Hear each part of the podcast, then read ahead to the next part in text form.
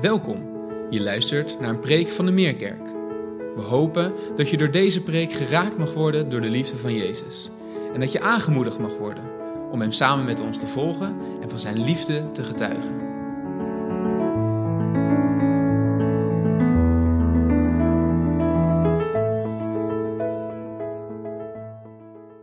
Goedemorgen.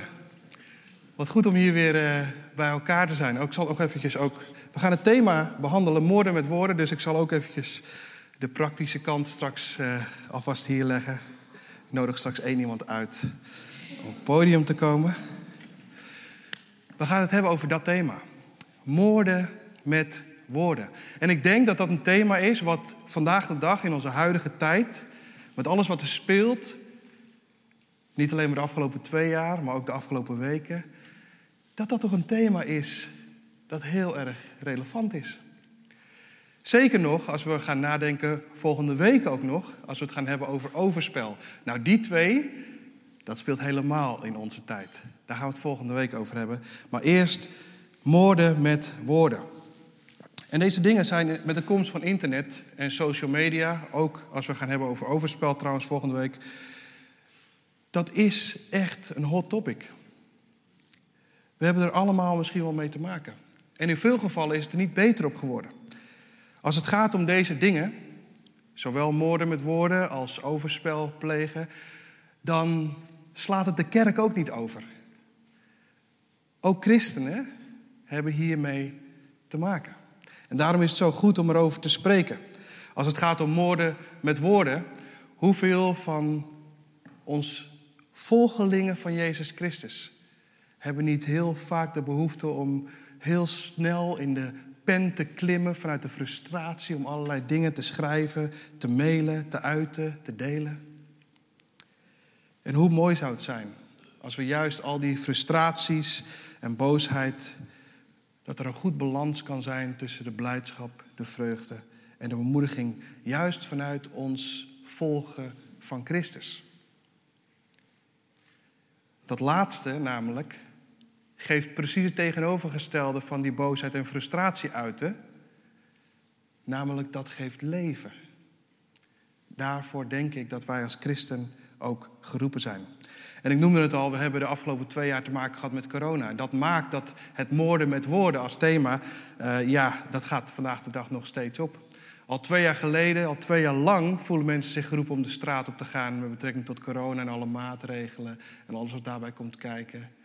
We voelen ons vooral geroepen om de digitale straat op te gaan, want die is veel breder en veel makkelijker te bewandelen.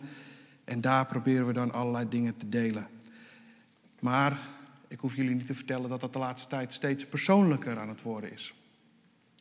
Steeds meer spreken we de mens op de persoon aan. Ik hoef het jullie niet te vertellen. Maar ik vind het wel boeiend om te zien dat zeker toen dat hele corona gebeuren ontstond, toen stonden we er nog gezamenlijk in. We stonden op, samen, schouders eronder. We hielpen elkaar. We waren innovatief. We bedachten allerlei dingen om elkaar te steunen en te helpen. Maar we hebben ook gezien dat dat van redelijk korte duur was. Want we dachten er snel vanaf te zijn, maar naarmate het toch wat meer trouw vraagt en uithoudingsvermogen vraagt en geduld vraagt, hield het daarmee ook op. We gingen van passie naar passief en uiteindelijk naar actief. Actief met een kort lontje en uiterst explosief. En hoe vaak hebben we juist in deze tijd niet gezocht naar een zondebok? Want er moest toch iemand aan te wijzen zijn die de schuldige was van dit alles? En hoe vaak ging dit niet gepaard met de gedachte waar Jezus het hier in de bergreden over heeft? Moorden met woorden. Wat zeggen we, wat denken we over de complotdenkers en de machthebbers? Wat zeggen we, wat denken we over mensen die anders denken en anders beslissen? Daar komt bij wat er afgelopen paar weken gebeurd is natuurlijk. En hebben we heel veel van jullie gezien en meegekregen. De uitzending notabene van Boos over de Voice of Holland. buiten het feit dat het verschrikkelijk is wat daar allemaal gebeurd is, verbaast het mij ook wel enigszins dat dat de rest van Nederland zo'n beetje in beweging heeft gezet om ook zijn of haar mening te delen en een visie te hebben die ze zo verlangend waren om te delen met de rest van de wereld, levend in de illusie, alsof de rest van de wereld daarop te wachten zat. Wat is dat toch? Wat is dat toch met die houding? Dat we de behoefte hebben om onze eigen visie en mening te delen op allerlei verschillende platforms. Wat is dat toch? Die houding. Om altijd je stem te willen laten horen. Om altijd en overal je mening over te geven. Alsof de rest van de wereld daarop zit te wachten. Het is een houding in ieder geval die je niet terugvindt in de bergreden. Ik heb het eerder al een keer genoemd. Als je al denkt dat de wereld te veranderen is, dan verandert de wereld niet door het delen van jouw mening. Als de wereld al verandert, dan verandert de wereld door het voorbeeld dat je leeft en niet door de mening die je deelt. En ook onder christenen zien we dat. Regelmatig hoor je christenen zeggen: Ja, maar ik heb dat op mijn hart om dat te delen. Alsof dat dan een geestelijke goedkeuring is om vervolgens alles te delen wat je echt op je hart hebt. Het interessante vind ik dat als je Jeremia 17, vers 9 leest, is dat, dat daar zit eigenlijk misschien wel een heel belangrijke zin in. Jeremia 17, vers 9 zegt: Er is niets zo onbetrouwbaar als het hart. Er is niets zo onbetrouwbaar als het hart. Wie zal het kennen? Dus ik denk dat als we al iets op ons hart hebben om te delen, dat we dat misschien wel eerst in gebed moeten toetsen. Heer, is deze gedachte van mij of van u? En als je heilig ervan overtuigd bent dat hij van God is, dan zou ik zeggen, deel hem vooral met de rest van de wereld. Maar hoe snel klimmen we niet in die spreekwoordelijke pen? Het is een introductie voor datgene waar we verder mee gaan. Als je de Meerkerk volgt, dan heb je gezien dat we al maanden spreken over de bergreden. En dat zullen we ook de komende maanden blijven doen, omdat de bergreden is nog niet afgelopen. En we willen tot de zomer zeker doorgaan met het bespreken en bestuderen van die bergreden. Het zijn woorden, de prediking zelf, van Jezus zelf, die we willen gaan bestuderen. En je zal merken, en net had ik het ook nog eventjes over met Josephine, die, dat je als je elke keer weer verder komt in het lezen van die bergreden, het wordt er niet makkelijker op. Het wordt er niet makkelijker op. En als ik het lees en bestudeer, dan lijkt het misschien wel als we hier staan en we mogen prediken over dat woord van God, dan lijkt het wel alsof het alleen maar een, een, een boodschap is voor jullie. Maar het is dus niet zo. Ik faal hierin ook.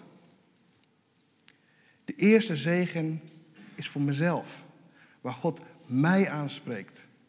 Ook over dit thema, moorden met woorden. We willen wel door de bergreden heen. En we hebben gemerkt in het lezen van de bergreden dat het in allereerste instantie gaat om ons eigen hart. Niet die van de ander, die we zo graag willen veranderen. Nee, het gaat in eerste instantie om ons eigen persoonlijk hart. Daar moeten we beginnen. Ik heb ooit wel eens het verhaal gedeeld, en die wil ik nu ook wel delen, van jaren geleden, toen ik nog klein was, jong was, vijf jaar geleden. Toen gingen we altijd zwemmen in Nieuw-Vennep. In het buitenzwembad van Nieuw-Vennep ging ik altijd zwemmen en dan namen we vrienden mee. En ik weet nog heel goed, er was op een gegeven moment een vriend in Nieuw-Vennep komen wonen en die kwam vanuit het buitenland. En we namen hem mee naar het zwembad. En wij maakten vroeger allemaal van die bommetjes, weet je wel. Dat je van een duimplank sprong, en allemaal, allemaal mensen nat maken en zo. Dat nou, vonden we fantastisch. En deze jongen zei, dat wil ik ook leren. Dat wil ik ook leren. En toen zei ik tegen hem, tuurlijk, we gaan het leren. we hebben allemaal gezegd, als je tenen dan het water raken, moet je achterover laten vallen. En dan je handen voor je gezicht en zo. Dat is allemaal tactiek en zo hadden we daarover natuurlijk. Een grote bom maken en zo. Geweldig, fantastisch, mooi. En hij stond op de duikplank en sprong het water in. En toen realiseerden we ons van, oh wacht even. Hij kan niet zwemmen.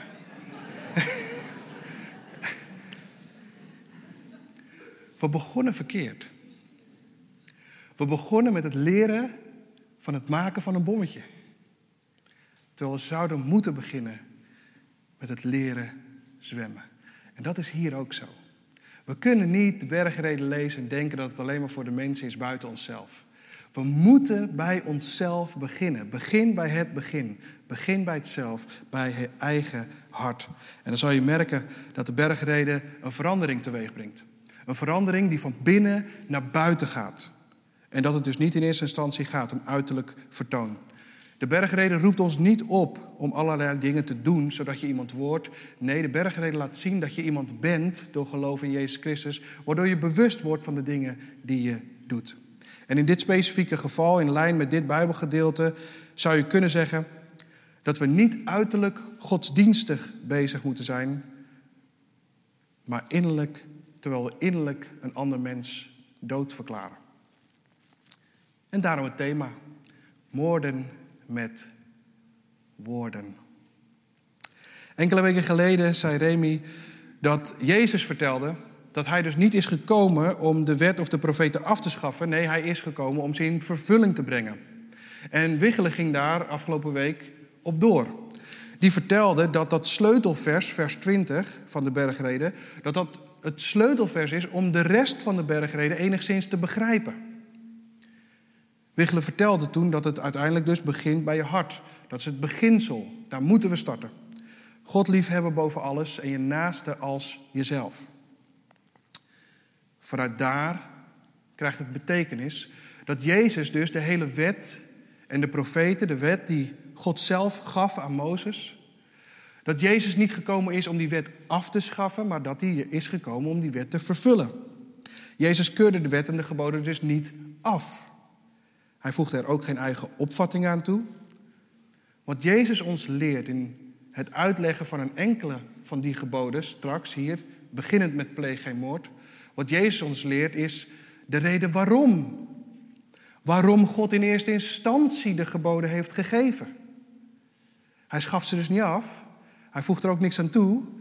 Hij legt uit waarom God in eerste instantie deze wet gegeven heeft. En dat die wet goed is. We kennen allemaal dat gedeelte van Mozes wel. Daar waar Mozes de tien geboden kreeg. Maar wat goed is om te noemen, is dat het niet met tien geboden begon. Het begon in Genesis 3 met één gebod. Namelijk, eet niet van die boom. Het was één gebod. Later zijn daar de bekendere tien geboden gekomen. En voor degenen die het Oude, het Eerste Testament kennen, weten dat dat stopt met 613 geboden. Dus elke keer wat bijgekomen. Nu leven sommige christenen in de illusie dat dat met de komst van Jezus afgeschaft is. Die 613 geboden, heerlijk. We zijn ervan verlost. Ze tellen niet meer. Ze doen niet meer mee. Maar dat is dus niet zo. Als je het Nieuwe Testament leest, kom je tot de conclusie dat het Nieuwe Testament 1050 geboden telt.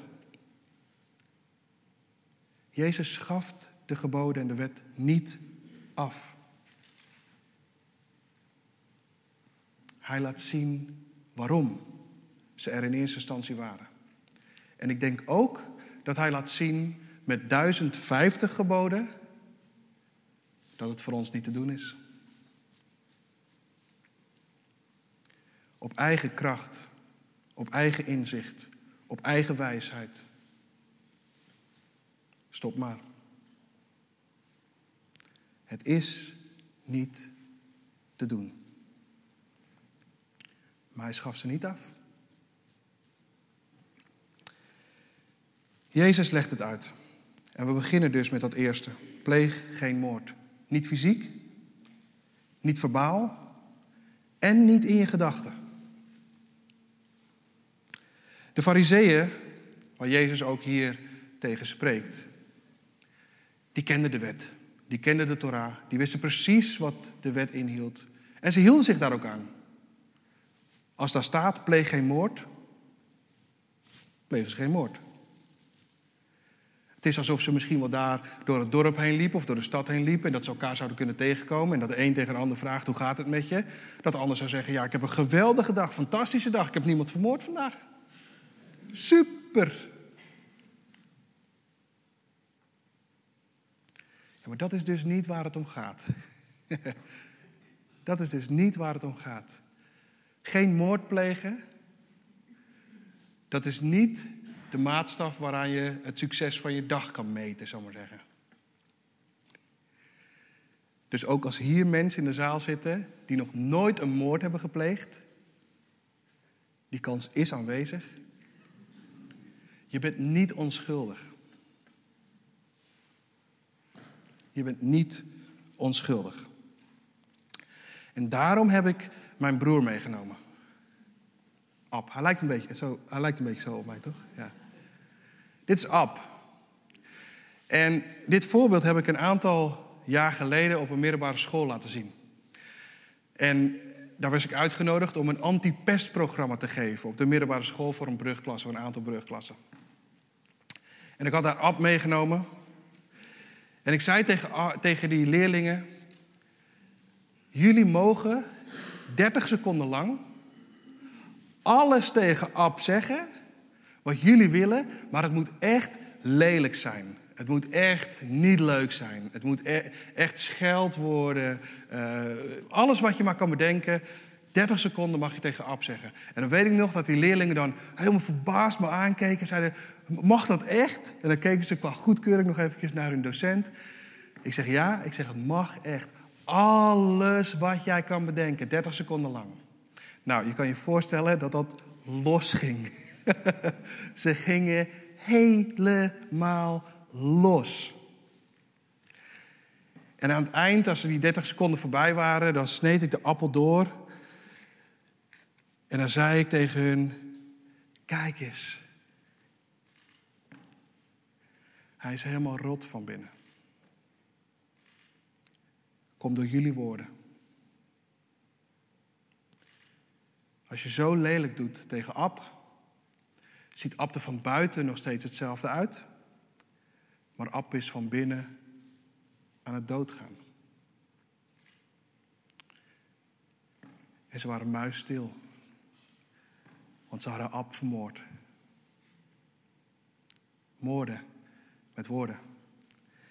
Gelukkig had ik ook de broer van Ab meegenomen. En jullie kunnen misschien al raden hoe die heet. Pels, ja, precies. Want dan krijg je Ab en Pels. Nou ja, dan heb je twee. Uh... Oh ja, nu snap Oh ja, appels. Tegen Ab, of tegen Ab zei ik van jullie mogen zo lelijk doen als je wil. Maar tegen Pels zei ik, jullie mogen alleen maar bemoedigende dingen zeggen. Alleen maar mooie dingen zeggen. Alleen maar goede dingen zeggen. En uiteraard sneek Pels ook door. En Pels had ik van tevoren niet een paar keer laten vallen. En Pels was van binnen prachtig. Weet je, woorden doen ertoe. Als wij geroepen zijn om mensen te bemoedigen, om het leven te geven, laten we dat dan ook doen met onze woorden. En laten we niet moorden met onze woorden. Later in de Bijbel zegt Jezus het in Matthäus 15. Want niet wat de mond ingaat, is wat een mens onrein maakt. Wat de mond uitkomt, is wat een mens onrein maakt. En dan zegt hij, want datgene wat de mond uitkomt, dat komt uit het hart. En uit het hart komen boze gedachten, moord, overspel, ontucht, diefstal, valse getuigenis en laster. En precies dat is wat een mens onrein maakt. En dan komen we bij die woorden van Psalm 141, waarvan ik hoop dat dat misschien wel het enige vers is wat je meeneemt van vandaag. Als het gaat om moorden met woorden. Psalm 141 zegt: Zet een wacht voor mijn mond, Heer, een post voor mijn lippen. Niet wat de mond ingaat, maar wat de mond uitkomt, is wat ons onrein maakt. Dus alsjeblieft, Heer, zet een wacht voor mijn mond, zet een post voor mijn lippen. En laat me niet moorden met woorden. Sommigen van jullie zullen zeggen, maar Jezus werd ook boos. Heb je gelijk in. Jezus werd ook boos, ja. Dit Bijbelgedeelte laat eigenlijk twee soorten boosheid zien: terechte boosheid en onrechte boosheid. Onrechte boosheid is een boosheid die diep geworteld is En die zonder intentie is om het ook maar bij de wortel aan te pakken. En die altijd draait om mensen. Terechte boosheid heeft altijd te maken met God. En wat zijn naam door het slijk gaat. Het middelpunt is dus altijd God. Weet je, als leiderschapsteam komen Wiggelen, Remy en ik elke week bij elkaar. En we spreken en bidden veel met elkaar. En dan spreken en bidden we ook heel veel voor wat we zien gebeuren in de wereld om ons heen. En ook heel specifiek in ons eigen land. Waar een opmars is van christelijke dwaalleer. Groter dan je denkt. En daar spreken we over. Daar bidden we voor. En dat kan ons zo diep raken dat we er met de tijd soms ook boos om kunnen worden. Omdat we zien dat het zoveel mensen, christenen, misleidt. Het draait niet om onze mening. Het draait om wat we zien. Waar Gods naam door het slijk gehaald wordt. Dat raakt ons.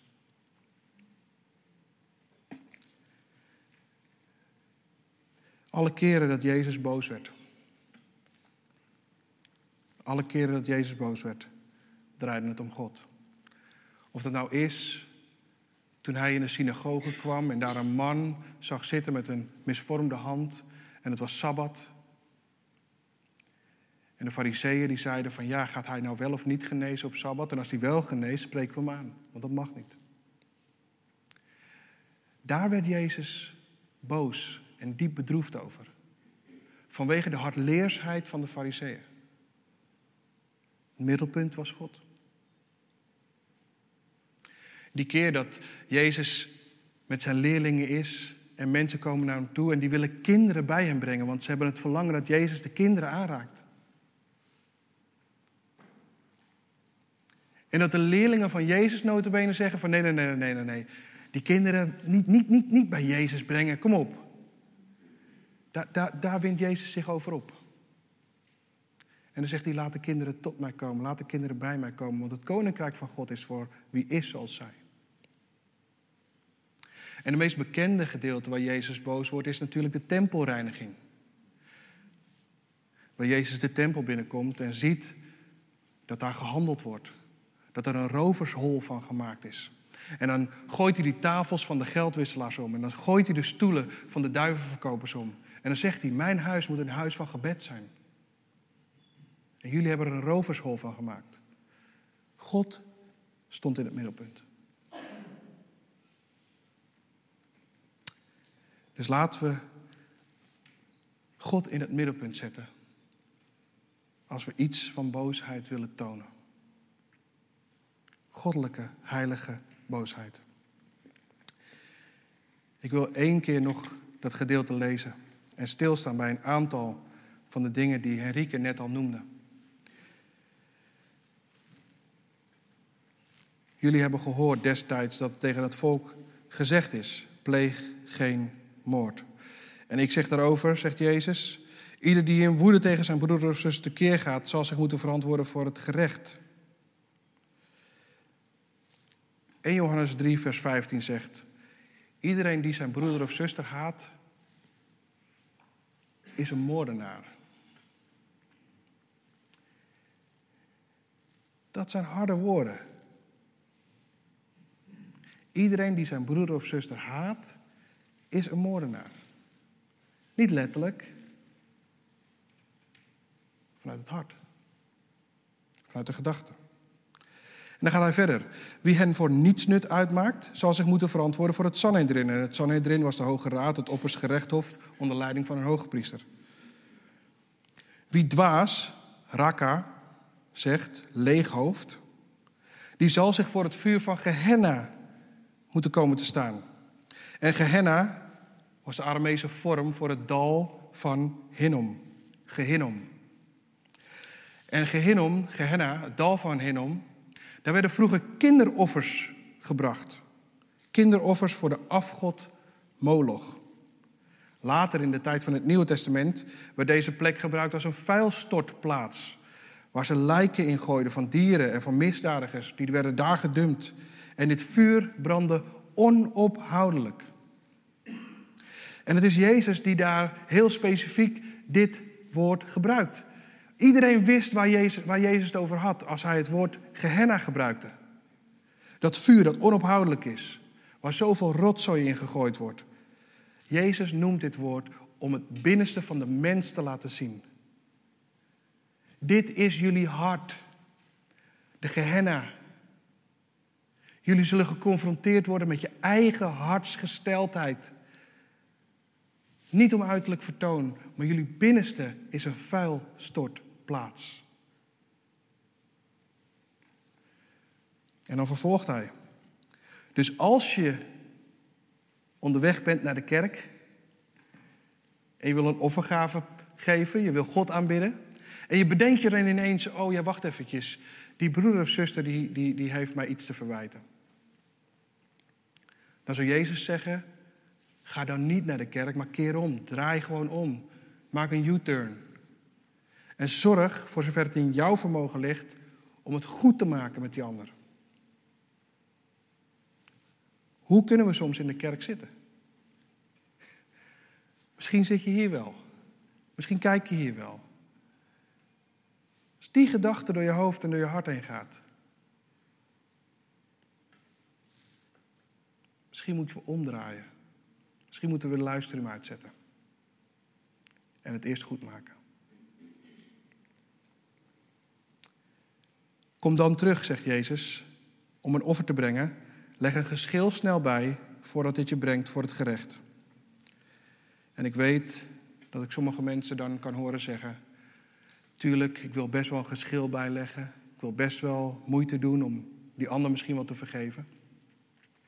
Maar Patrick, jij weet niet wat mij allemaal is aangedaan. En dat klopt. Dat weet ik ook niet. Ik weet hooguit wat mezelf is aangedaan en wat mezelf in het leven is overkomen. Maar ik weet ook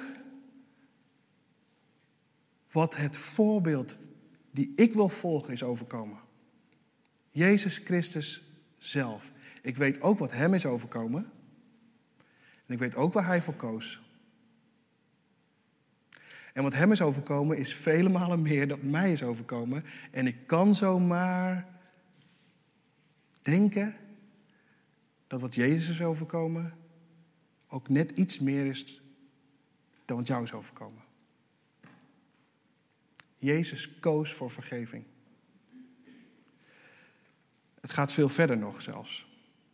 En het wordt met een minuut onmogelijker. We eindigen met een bemoediging trouwens. Jezus zal straks spreken over vergeving. Jezus zal straks ook spreken over je vijanden liefhebben. Ik denk dat veel mensen thuis blijven dan. je vijanden liefhebben. Kom op. Kan toch niet? Je vijanden liefhebben. Houden van wie jou vervolgen. Bidden voor hen die jou vervolgen. Het wordt met de zondag ingewikkelder. En als ik dan kijk naar wat Jezus deed, dan wil ik ondanks mijn eigen beperkingen en tekortkomingen, mijn eigen onmogelijkheden, wil ik er toch voor kiezen om Jezus te volgen. Al deze dingen en te kijken naar wat Jezus heeft gedaan, heeft me ook bij het feit gebracht dat mijn menselijke onmogelijke realisatie van vergeving mij op de knieën brengt voor de troon van Jezus. Ook ik. Ook ik. Ook ik heb moeten leren bidden. Heer, ik kan het gewoon niet. Maar als u mij daartoe oproept, als u mij daartoe oproept, geeft u dan ook de kracht om het te doen.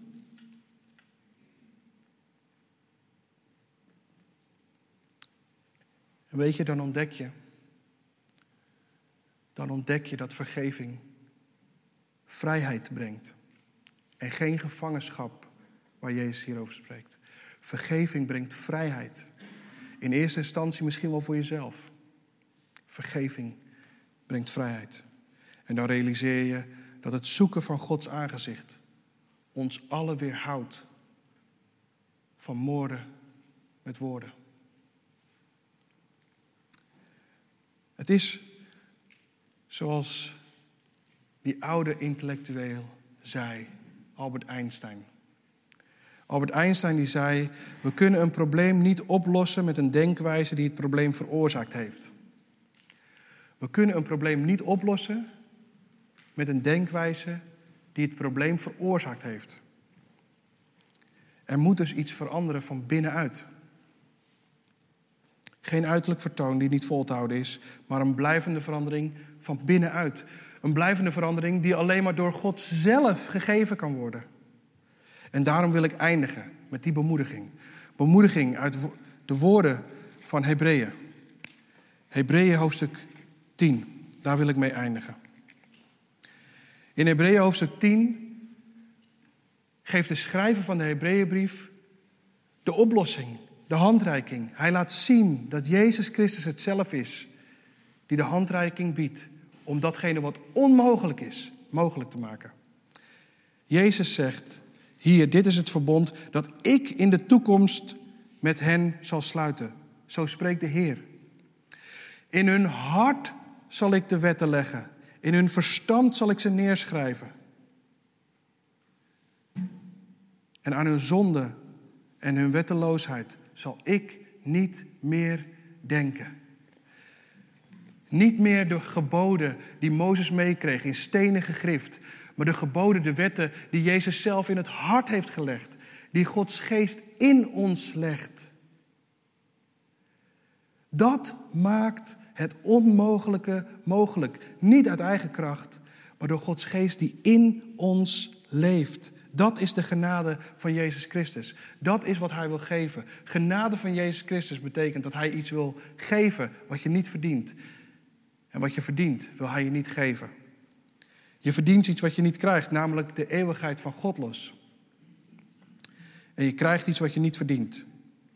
Kracht, wijsheid, hoop, geloof en liefde in de aanwezigheid van de eeuwige. De persoon die deze bergreden zelf heeft uitgesproken. Jezus Christus zelf. Hem zij de glorie. Zullen we samen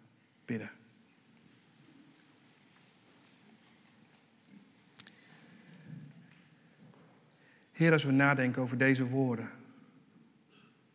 Als we nadenken over die bergreden. Wat elke week weer een verdiepingsslag heeft. Ongelooflijk hoe u elke keer weer door uw eigen woord weet te spreken tot het hart van mensen. Tot het hart van mijzelf. Heer, ben ik zo dankbaar dat we mogen leven uit genade. Dat u het zelf bent die het ons wilt geven om te kunnen doen wat we vanuit onze eigen menselijke kracht niet kunnen. Heer, vergeef ons. Vergeef ons elke keer weer wanneer we in de valkuil trappen om te moorden met woorden. Juist in deze tijd. Juist met alle mogelijkheden die we hebben om het zo gemakkelijk te doen. Zonder na te denken. Het staat er al op. Vergeef ons, Heer. Breng ons elke keer weer terug naar ons eigen hart. Zet een spiegel voor ons eigen hart. Dat het van binnenuit veranderen mag. Niet op basis van wat we doen, maar op basis van wie we zijn in U.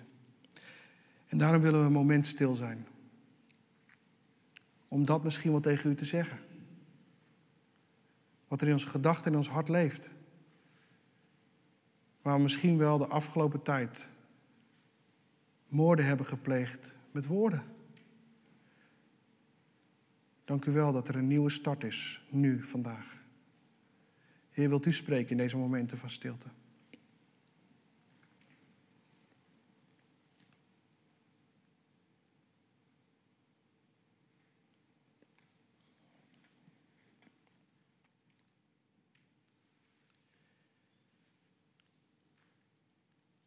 Heer, en zo komen we tot u.